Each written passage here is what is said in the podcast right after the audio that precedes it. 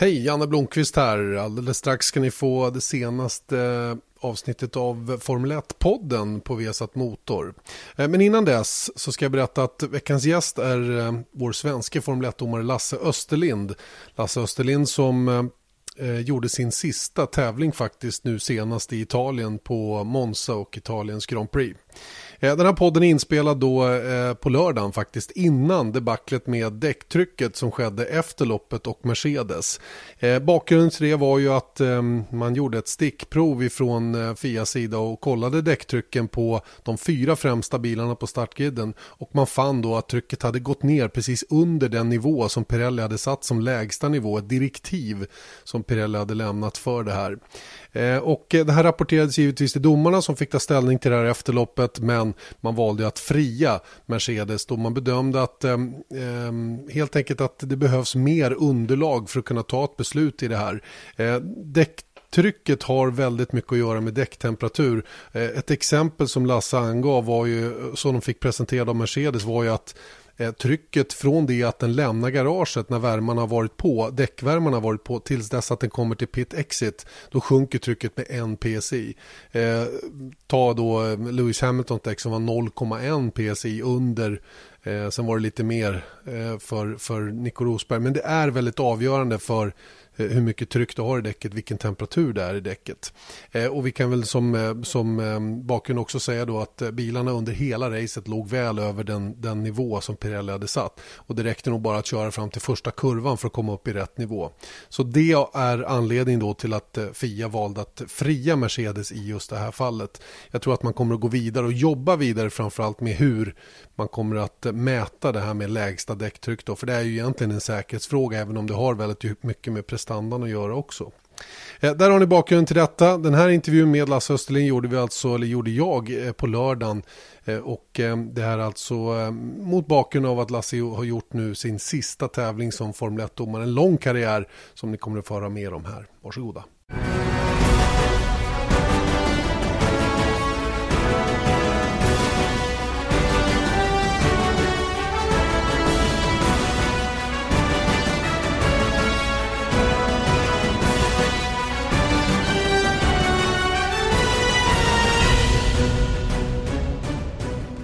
Välkommen till en ny Formel 1-podd på Viasat Motor som du som vanligt hör på Acast, på iTunes eller på viasatsport.se.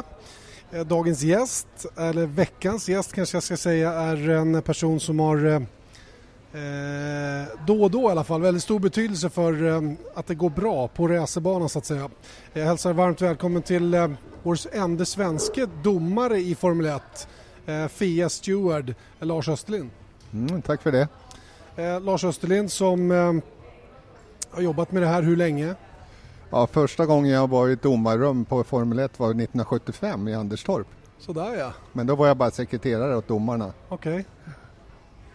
Och karriären sen efter det? Ja, det, det, det växte ju på något sätt. Jag blev mer och mer engagerad i motorsporten i, på förbundsnivå. Jag hade hållit på i tio tio år ungefär lokalt hemma i Sundsvall. Men, eh, sen blev jag ordförande i Rally, eh, Rally Commission eller rallyutskottet som det heter i, i Sverige. Och där var det ju så att eh, Sverige och Finland precis i den vevan åkte ur VM-serien. Och det behövdes göras någonting för att vi skulle komma tillbaks till VM. Vi ville liksom inte släppa det. Och då engagerade jag mig. Ja, det är klart, jag var ju lite ansvarig då som ordförande i utskottet tog mig in i FIAS Rally Commission omkring 1978-79. Eh, fortsatte där sedan med det som var exekutivkommittén 84 och sen har jag varit Sveriges representant i internationella förbundet sedan dess. Jag var ute på väldigt mycket rallytävlingar som VM, i VM-serien, 120 stycken tror jag det blev över hela världen och drygt 100 F1-tävlingar nu då. Och eh, när gjorde du din första F1-tävling då som domare? Kommer du ihåg? Eh, första F1-tävlingen som domare måste ha varit 1980, vad säger 84, 85, 86. Minns du vad det var? Eh, jag tror att det var här på Monza. Jaha, där ser man. Ja, vi spelar in den här podden på Monza och du har precis delat ut straff till Marcus Eriksson för att han körde för långsamt framför en annan bil. Ja, eh, Hur gick snacket? Han, upp, han upplevdes ju som hindrande utav en annan då som var på, på sitt snabba varv medan Marcus var på ett utvarv och, och då kan det bli så. Ja, det är gamla nyheter när den här kommer att sändas så att vi, ja. vi släpper den incidenten helt och hållet. Jag tycker det är mer intressant att och, och, och, dels prata om hur det här jobbet har varit under alla de år som du har hållit på. Och jag antar att det har förändrats en hel del sen du gjorde ditt första där i mitten på 80-talet fram till nu 2015. Ja, det har, det har förändrats väldigt, väldigt mycket. Det, det, det, som kanske är den absolut största skillnaden det är den teknikhjälp som vi som domare har idag jämfört med att vi hade en videobandspelare och där vi spelade in tv-bilderna och från, från den videobandspelaren som vi fick sitta och manövrera själva och backa och köra fram och tillbaks skulle bli dumma. Och det var ju lika stort, själva F1-cirkusen var ju lika stor som den är idag. Idag har vi en heltidsanställd tekniker som följer med hela vägen runt. Vi har teknik som gör att med hjälp av ett bokmärke så kan vi få alla kameror som överhuvudtaget har en bild ifrån en incident nästan simultant samtidigt. Vi har tillgång till all data, telemetri som det kallas för, i, i alla bilar. Eh, så vi kan se när de bromsar, styr och gasar. I realtid? Eh, ja, i, i, ja, vi kan se det i realtid. Men eh, det är ju alltid så att vi, vi tittar bakåt kanske några minuter för någonting har hänt. Så att vi har mycket, mycket större hjälpmedel nu. Men samtidigt så är det ju också så att sporten har blivit mer och mer kvalificerad. Det är svårare och svårare. Reglementet har ju vuxit med fyra gånger jämfört med vad det var från början.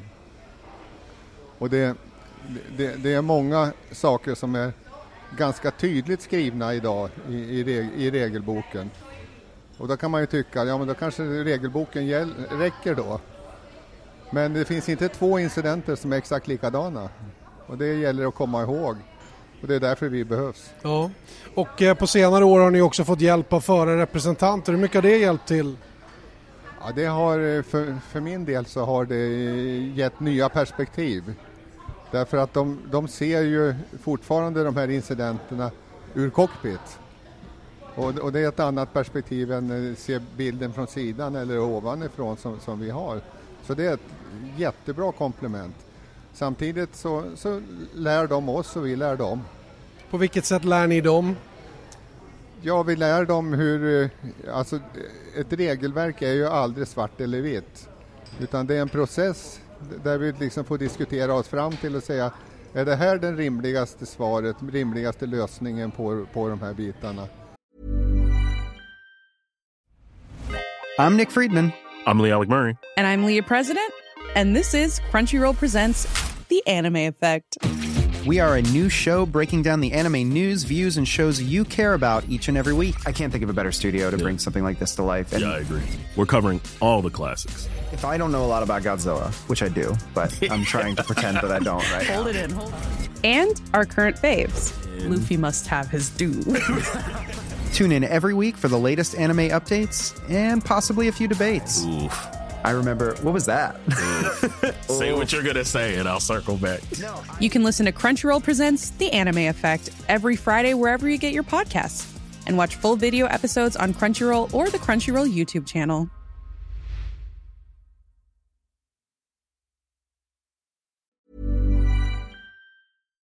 Eh, och vi, vi är de som försöker att väga in eh, så mycket som möjligt i, i de här sammanhangen också för att eh, göra så att vi får en allsidig belysning på vad som händer.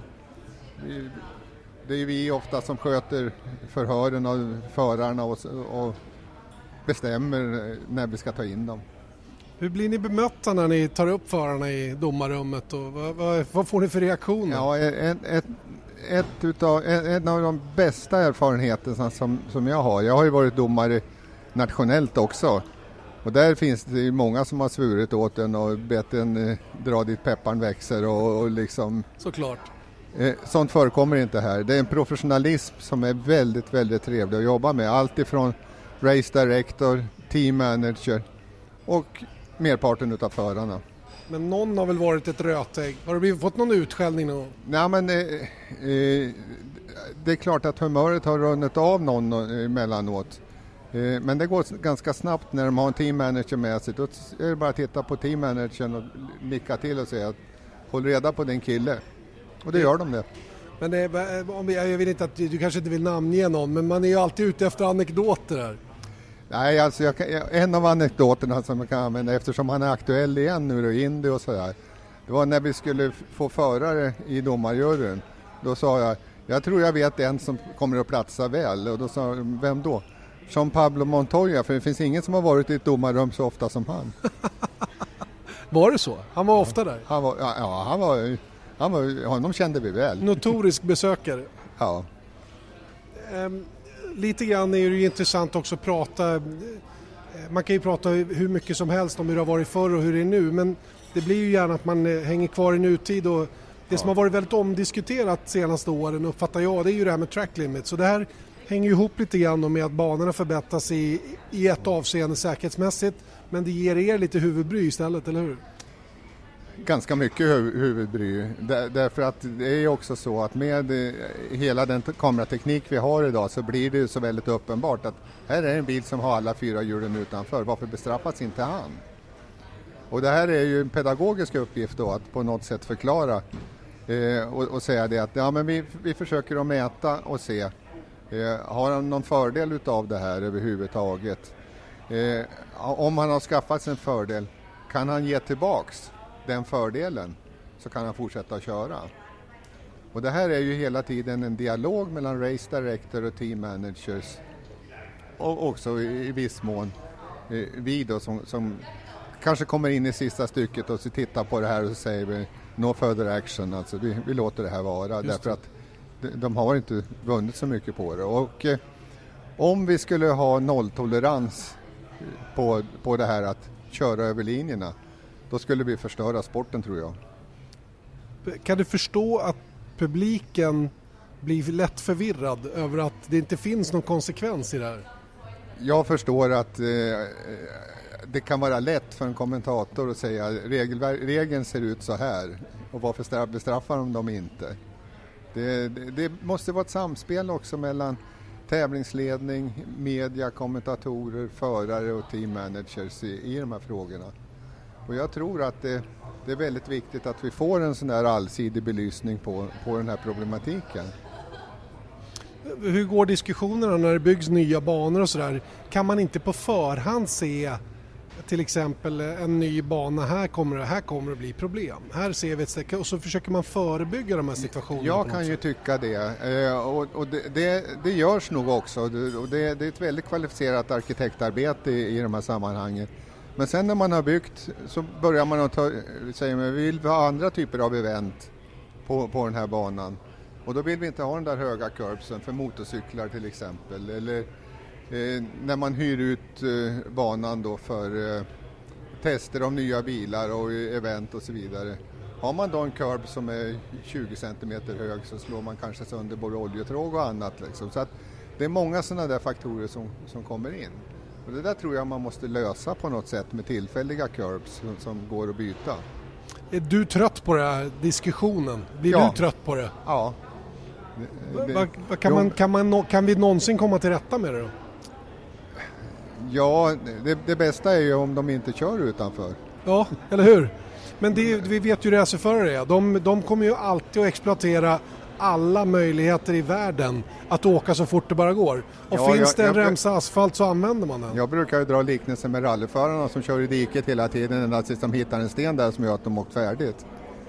Så det kanske det det ska vara, stenar. Eller det kanske skulle helt enkelt vara så att man, man byggde upp portabla, enklare, så att säga, eh, banmarkeringar som, som, som gjorde det, åtminstone att man tappar tid. Ja. Jo, och, och sen kan man ju, man kan säkert också med, för det är långt ifrån alla banor och långt ifrån alla kurvor eh, på, på även problembanorna som, som är, är något bekymmer. Och det, det är väl kanske till att ta fram ritstiftet och rita om lite grann också. Kan man kommunicera det här på ett annat sätt då? Att man, eh, För det är ändå så tydligt, det, det har ju tvingat, ni har ju nästan blivit tvingade att säga ja men inom vita linjen ska man köra. Och, och trots Ja, att det det är är för att det står så i, i, i lag, lagboken vi Ja. har, i, i FIA-koden. Eh, Den, den är ju ganska tydlig på det. Och, och det är klart att eh, man kanske också skulle ha jobba på den. Nu håller man ju på med en översyn utav, eh, utav alla de här regelverken så vi får väl se om man kan göra någonting som, som gör att man får ett lite, eh, lite, lite större bedömningsområde på det här. Just det. Och, och kanske också i kommunikationen utåt eh, via oss i media då eh, förklara för publiken att eh, det är inte samma bedömningsgrad överallt. Det är Nej. helt individuellt vilken bana Ja, man nej, är men det, det är bra att ha den dialogen. Vi har ju haft det. eh, Jag tror ni ringde någon gång ifrån Abu Dhabi och sa vad, vad 17 är det här? Just det. och då diskuterade vi det om jag kommer ihåg rätt. Ehm, Det andra som är väldigt på tapeten är ju nu någonting som förvirrar också väldigt mycket. Det är ju de här med motorbestraffningarna. Det är ju bestraffningar idag uppe i, här på Monza då som är några dagar sedan när vi sände det här men det, det är runt 100 eller strax under. Ja, det, det, det, det, är, mer, det är Ja, det- 155 grid positions. Så det Bara är, den här är- helgen? Det är ingenting, bara den här helgen och det är ingenting att vara stolt för för att då skulle egentligen gänget starta halvvägs bort på, på, på det här. Och, och här, här är det ju också så här att eh, man har nog inte man gör nog inte tillräckligt bra och mycket konsekvensanalyser innan man drar till med ett regelverk. Här ville man ju hjälpa till dem med cuts, eh, begränsa antalet motorer, begränsa antalet växellådor och så vidare. Ja, ingen kunde väl tänka sig att man eh, liksom, när vi säger att de ska använda fyra motorer uppe i nionde nu. Är marginalen för snålt tilltagen då? Det behöver ju inte vara släppa det fritt men man kanske skulle haft mera höjd. Ja, det eller att man får fram bättre grejer. Normally, being a little extra might be a bit much, but not when it comes to healthcare. That's why United Healthcare's Health Protector Guard fixed indemnity insurance plans, underwritten by Golden Rule Insurance Company, supplement your primary plan so you manage out of pocket costs. Learn more at uh1.com. som håller. Och det ena brukar ju tvinga fram det andra, Ja. eller hur? Brukar det inte vara så? Jag satt och, eh, du har nyss kommenterat GP2 och eh, eh, jag, jag, vi satt och diskuterade i domarrummet och jag sa det, vad är det med GP2-bilarna som gör att, att de inte går sönder, att de håller och varför håller växellådorna på dem? För de är ju bara 2-3 sekunder långsammare än F1-bilarna. Å andra sidan kan vi backa till det gamla motorreglementet. Då hade vi ju tillförlitlighet som var närmast 100%. Ja, och det är naturligtvis så när, när allting görs om som det gjordes nu då med 1600 motorerna och turbo och sånt där, då, då, då blir det, det är som med nya bilmodeller som får allting nytt. Det krånglar. Det behöver lite tid, lite intrimning, men det blir ju lite... Det skadar sporten en aning känner jag i alla fall. Ja, men, och det är därför som jag menar på man får göra liksom bättre konsekvensanalyser och säga kan det här hända? Kan, kan de inom ramen för det här reglementet vi gör nu byta motor nio gånger i alla fall? Då, då är ju liksom hela vitsen med att eh, införa den regeln helt borta. Och det som har hänt nu det är ju att McLaren började taktikbyta motorer för att få fler i omlopp och det, så det började ju direkt efter Österrikes Grand Prix när man tog bort de här extra tidsstraffen som delades ut. Och, och, då, och genast, och det är ju lite Formel 1 natur, att börja exploatera reglementet och hitta luckor i och lösningar. Och med motorsporten är ju alltid så här, jag brukar ta det exemplet, om vi säger att man ska ha 99 oktan i, i, i bensinen, liksom det är även på nationell nivå, så kan man ge sig 17 på att när man börjar testa det här så har alla 99,1. Så funkar det bara. Ja, Det kommer alltid att tänjas på gränserna. Och det kan jag tycka är kanske det svåraste med ert jobb. Att är, det, är det någonting som ligger i Formel 1 DNA så är det att utmana reglementet hela tiden. jo det är det. Och, och det är ju, vi kommer tillbaks till din, din första fråga här, vad, vad som imponerar mest och det är professionalismen i, i det här. Eh, alltså fara runt med den här cirkusen och få det att fungera vecka efter vecka med flytta, flytta på alltihop, bygga bilar och motorer liksom över, över kvällen, över natten ibland när man har slagit sönder någonting. Eh, Men också professionalismen i uppträdande och, och eh, agerande. Eh, Det är väl det som har gjort att jag tyckte att det här var väldigt spännande och ville fortsätta så länge som jag gjorde. Blir ni påverkade av det förarna skriker över radion? Nej, det, det, det blir vi inte och det låter så dåligt också så att Men många gånger då, jag kommer ihåg Silverstone om det är två eller tre år sedan, Alonso och Vettel åkte ju och påpekade när den ena körde utanför, då är vi tillbaka på det här med track limit, så de försökte påverka om det är Charlie i första hand, Charlie Ja. Whiting då, eller om det når er direkt. Nej, det går via Charlie. Så, nej, vi, vi har ingen direkt kontakt med teamen under racet ut- utan det är men vi hade ju i år i Silverstone, det blev ju nästan lite löjligt också när vi tog bort tio tider på kvalet. Just det. Folk som körde för långt ut och, Ja. och, eh, som, och där uppfattade man att det var också en tidsvinst och då var ni ju tvungna. Ja, i synnerhet som vi, vi tog bort tio tider och vi hörde inte ett ljud i klagomål. Då var det ganska uppenbart att man, man tog chansen. Eh, du, för att komma tillbaka till ditt själva jobb då praktiskt. Hur, eh, hur ser en helg ut? Va, va, hur börjar det? När kommer du till att börja med? Ja, som nu i, i Monza här, då, då försöker jag ju hitta, hitta ett flyg som är så effektivt som möjligt och det gjorde jag. Jag åkte halv tio på torsdag morgon. Ifrån Arlanda direktflyg hit. Eh, kasta in bagaget på hotellet och så ut hit.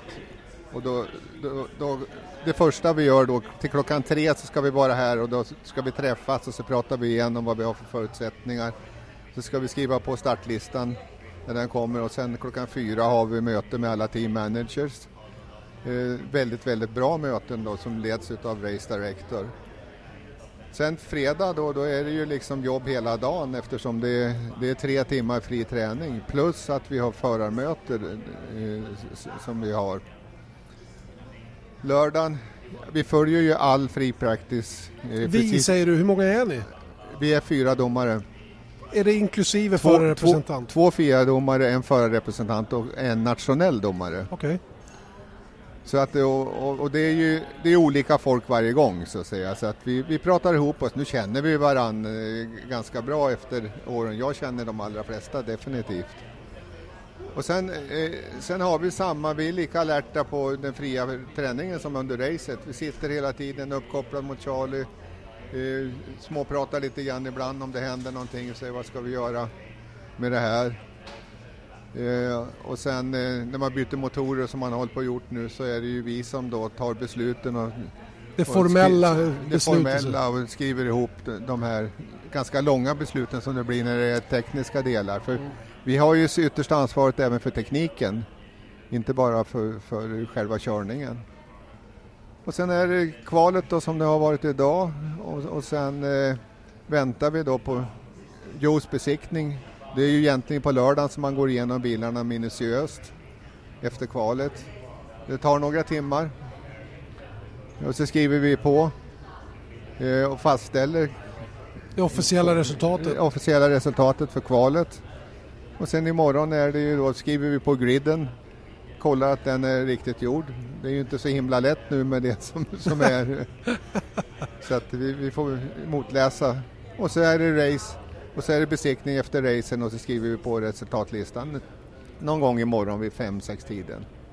Eh, under en period så var det också klagomål på att ni var sena med att komma med beslut. Eh, många gånger dröjde det till efter loppet och man, det kunde gå ett par timmar när man fick en officiellt resultat. Och, eh, där det- har ni blivit bättre tycker jag. Ja, och där, där har jag legat på därför att jag har alltid tyckt att det ska vara klart när eh, checkered flagg, målflaggan, det som är på podiet det ska vara klart. Och det tror jag att jag eh, har lyckats ganska väl med. De, de säger det idag i alla fall, de som, som bedömer det här. Så, så jag, men när det gäller teknikgrejer, då kan det ju bli så att eh, det tar tid liksom, för det tar tid att riva en bil idag. Mycket längre tid än vad det gjorde bara för 4-5 år sedan. Om man, om man klär av en Formel 1-bil så är det så trångt överallt så får inte in en hand liksom för att kunna plocka bort en, en del. Och, och det är ju, det är ju Fias besiktningsfolk som, som då ska in. Det är Joe Och- Bauer i huvudsak då Joe. Bauer och, och eh, hans assistenter liksom. Och, och där, där tar det tid. Det, det, det går inte att göra speciellt mycket fortare. En annan intressant fråga där med att kontrollera bilarna, att de är reglementsenliga. enligt det tekniska reglementet, det vill säga att de är byggda inom ramen Ja. för vad som är tillåtet. Och där var det ju också en period när teamen tjallade på varandra och kanske visade på bevis att de fuskar med det och de gör si och de gör så. Och, och de, framförallt har det varit de med, med vingar och aerodynamik och sådär. De, de har liksom eh, spionfotograferat och suttit med millimetermått. Och, men eh, det var länge sedan vi hade något sånt nu. Ja, det har stabiliserats en hel del och Ja. det kanske är för att reglementet har ju förenklats en hel del aerodynamiskt ändå Ja, jämfört med hur det var under en period. Och det var massdämpare, det har varit eh, frick, eh, flexande vingar och Ja. känner ni att ni har verktygen och kompetensen att verkligen bedöma att bilarna är reglementsenliga hela Alltså, tiden? vi har ju drygt 20 ingenjörer med oss från FIA. Om du, om du också räknar in datafolket då, de som håller på med software och sånt där. Så att eh, det är nog väldigt, väldigt svårt att, att liksom ta sig ur det här nålsögat idag. Och det vet alla och då accepterar de det och då blir det inte så tokigt. Är det något team som du upplevt var mer ska jag säga, utmanande än andra? Nej, det är det inte. Och, och eh, det är väldigt, väldigt sällan som, eh, som vi har på något sätt kommit på fusk. Utan det, det, det, det är klart de kan missa eh, någonting ibland. Och att inte ha en liter kvar i soppa till eh, provet och sånt där, det, det är ju inget uppenbart fusk utan det är någonting som de har legat på gränsen och kommer över. Och när det Så gäller tekniken i övrigt eller hur bilarna är byggda så handlar ju det väldigt mycket om hur man tolkar reglementet också. Ja, men vi har ju inte- vi har inte haft så mycket sådana här skandaler som vi hade i rally-VM då när det var uppenbart fusk. Eh, och där man försökte gömma fusket liksom, då blir det ju ännu värre. Ja, ja det, är ju, det är direkt osportsligt. Sånt Ja. tycker jag är tråkigt. Jag har det på något sätt själv accepterat att teamen och ingenjörerna och designers de kommer alltid att försöka hitta den Ja. snabbaste vägen igenom. Och de ligger nära, nära reglementen nat- naturligtvis. Det, så är det ju. Ehm, du eh, har ju börjat uppnå eh, ansenlig ålder. Hur gammal är du? Det pratar jag se, eh, inte så gärna om, men jag fyllde, fyllde 70 i våras. Vad betyder det för din karriär? Jag fortsätter med Svenska rallyt ett tag till. Jag fortsätter i World Councils eh, del. Eh, jag tycker om att jobba. Jag har ett antal styrelseuppdrag eh, som jag fortsätter att jobba med. En, tre, fyra stycken som i alla fall håller igång hjärnan. Man kan inte bara sitta med en sudoku varje morgon. Men eh, det ryktas om att det här Italiens Grand Prix då, som vi besöker just nu är ditt sista som Ja. domare för Formel 1. Ja, det, det är det därför att eh, om, jag, om jag tar de sista åren här så känns det som det har tagit mycket tid.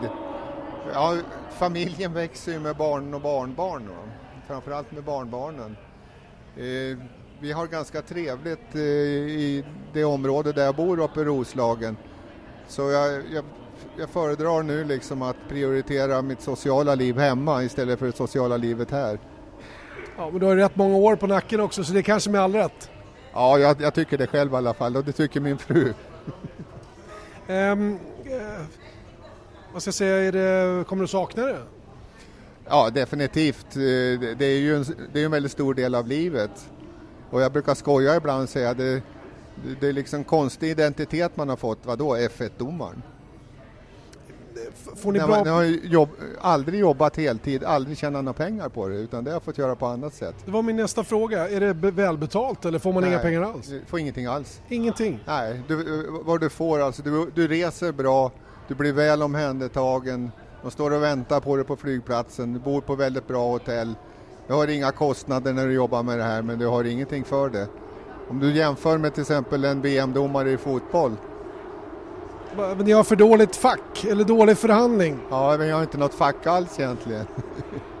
men utan det, det är ju det här kärleken till sporten och liksom att, att vara med som, som hela tiden har triggat. Men det känns rätt det jag gör nu.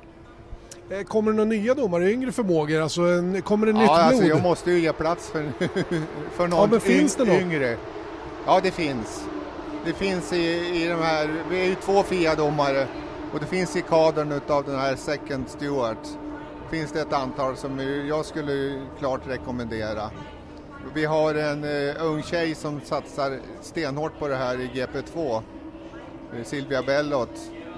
Som, som säkert också kommer att växa i kostymen så småningom. Det är många som frågar det om det är samma domare i Formel 1 och GP2, men det är det inte va? Nej, det var det tidigare. Så jag har gjort väldigt mycket Formel 3000 om man säger Just så, det, på den tiden. på den tiden. Ehm, så ehm, den, den här blir då det sista helgen och kommer det att vara speciellt på något sätt? Menar kommer det bli uppmärksammat utav de andra? Det vet jag inte. Det var väl, eh, det var väl någon som försade sig här för- ett tag sedan, eller för någon dag sedan. Så att någonting är väl på gång. Och Jean Tott eh, också eh, ska väl göra någonting och hitta på något. Låter väl rimligt. Ja. Skulle jag kunna bli domare om jag ville? Det kan du säkert därför att du kan regelverket. Men eh, hur går man tillväga då? Ja, vi får väl börja med Svenska Bilsportförbundet och bli ordförande där. Och eh, hur blir man utbildad då, så att säga? För det är ändå en ganska det är en komplicerad sport. Eh, Det är, eh, ja, det är bara att vara med. Ja, det är så. Learning by doing. Learning by doing. Det är ingenting du kan läsa dig till på högskolan precis. Eh, avslutningsvis nu då. Eh, Du måste ju ha några konstiga race som du har jobbat med. Något oerhört märkligt eller någon speciell händelse. Har du någonting som, som dyker upp Ja, sådär? jag, jag skötte ju förhören på eh, Team eh, Orders, eh, Fer- Ferraris en, en sommar. På Hockenheim? Ja, det var, det var speciellt. Jag skötte förhören eh, och utredningen omkring Crashgate. Eh, Piquet I Singapore ja. Ja, så det, det finns en del sådana där saker som man kommer ihåg. Kan du berätta, hur var det, Team Order-historien där? Ja, Till exempel. Teamorden, det var jättejobbigt därför att jag fick göra utredningen i- augusti när alla var på semester. Så jag jagade team managers i Anderna och på Sicilien och överallt liksom. För att kunna hålla förhör med dem och så här. Och konklusionen var ju då att eh, team orders går inte att hindra. Det är Nej. lika bra att vi tar, tillåter det. Ta bort det helt enkelt. Ja. Eh, Och bakgrunden var alltså, eh, ni kanske minns det ni som följde med, att Felipe Massa blev tillsagd att Ja. Felipe, eller Fernando is quicker than you sa de, för då fick de ju inte rakt ut säga att, släpp förbi den andra Nej. bilen. och Nej, det var ju det här som blev, det vart ju nästan, det vart ju så löjligt så det fanns ju inte, alla visste ju vad det handlade om. Jo, men då tog vi också då det, det enda kloka beslutet på, med anledning av den utredningen, att tillåta det. Just det. det här med Crashgate då, det fick ju väldigt stora konsekvenser för många personer. Ja, Vad hände? det var, det var ju allvarligt därför att det stod ju hela sportens rykte på, på spel. Och då vart det tungt ansvar på dina axlar. Ja, jag satt vi, förhören, vi höll på hela torsdagen och stor, stor, stor del av fredagen trots att jag var domare då, i, på spa. Hämtade folk ifrån, direkt från flygplatsen för att de inte skulle hinna prata med varandra. Ja, det, det var dramatiskt. Hur kom ni fram till påföljden då? För det fick ju rätt stora Ja, konsekvenser. det, det gjorde Max Mosley och resten av, av eh, Dåtidens FIA-president. Ja, just det. Eh, kul att prata med dig Lasse Österlind, Lars Österlind som är eh, FIA-domare, den enda svenske och som eh, gör sitt sista race då den här helgen på Italien på Italiens Grand Prix. Eh, du kommer säkert att dyka upp någon mer gång tror jag.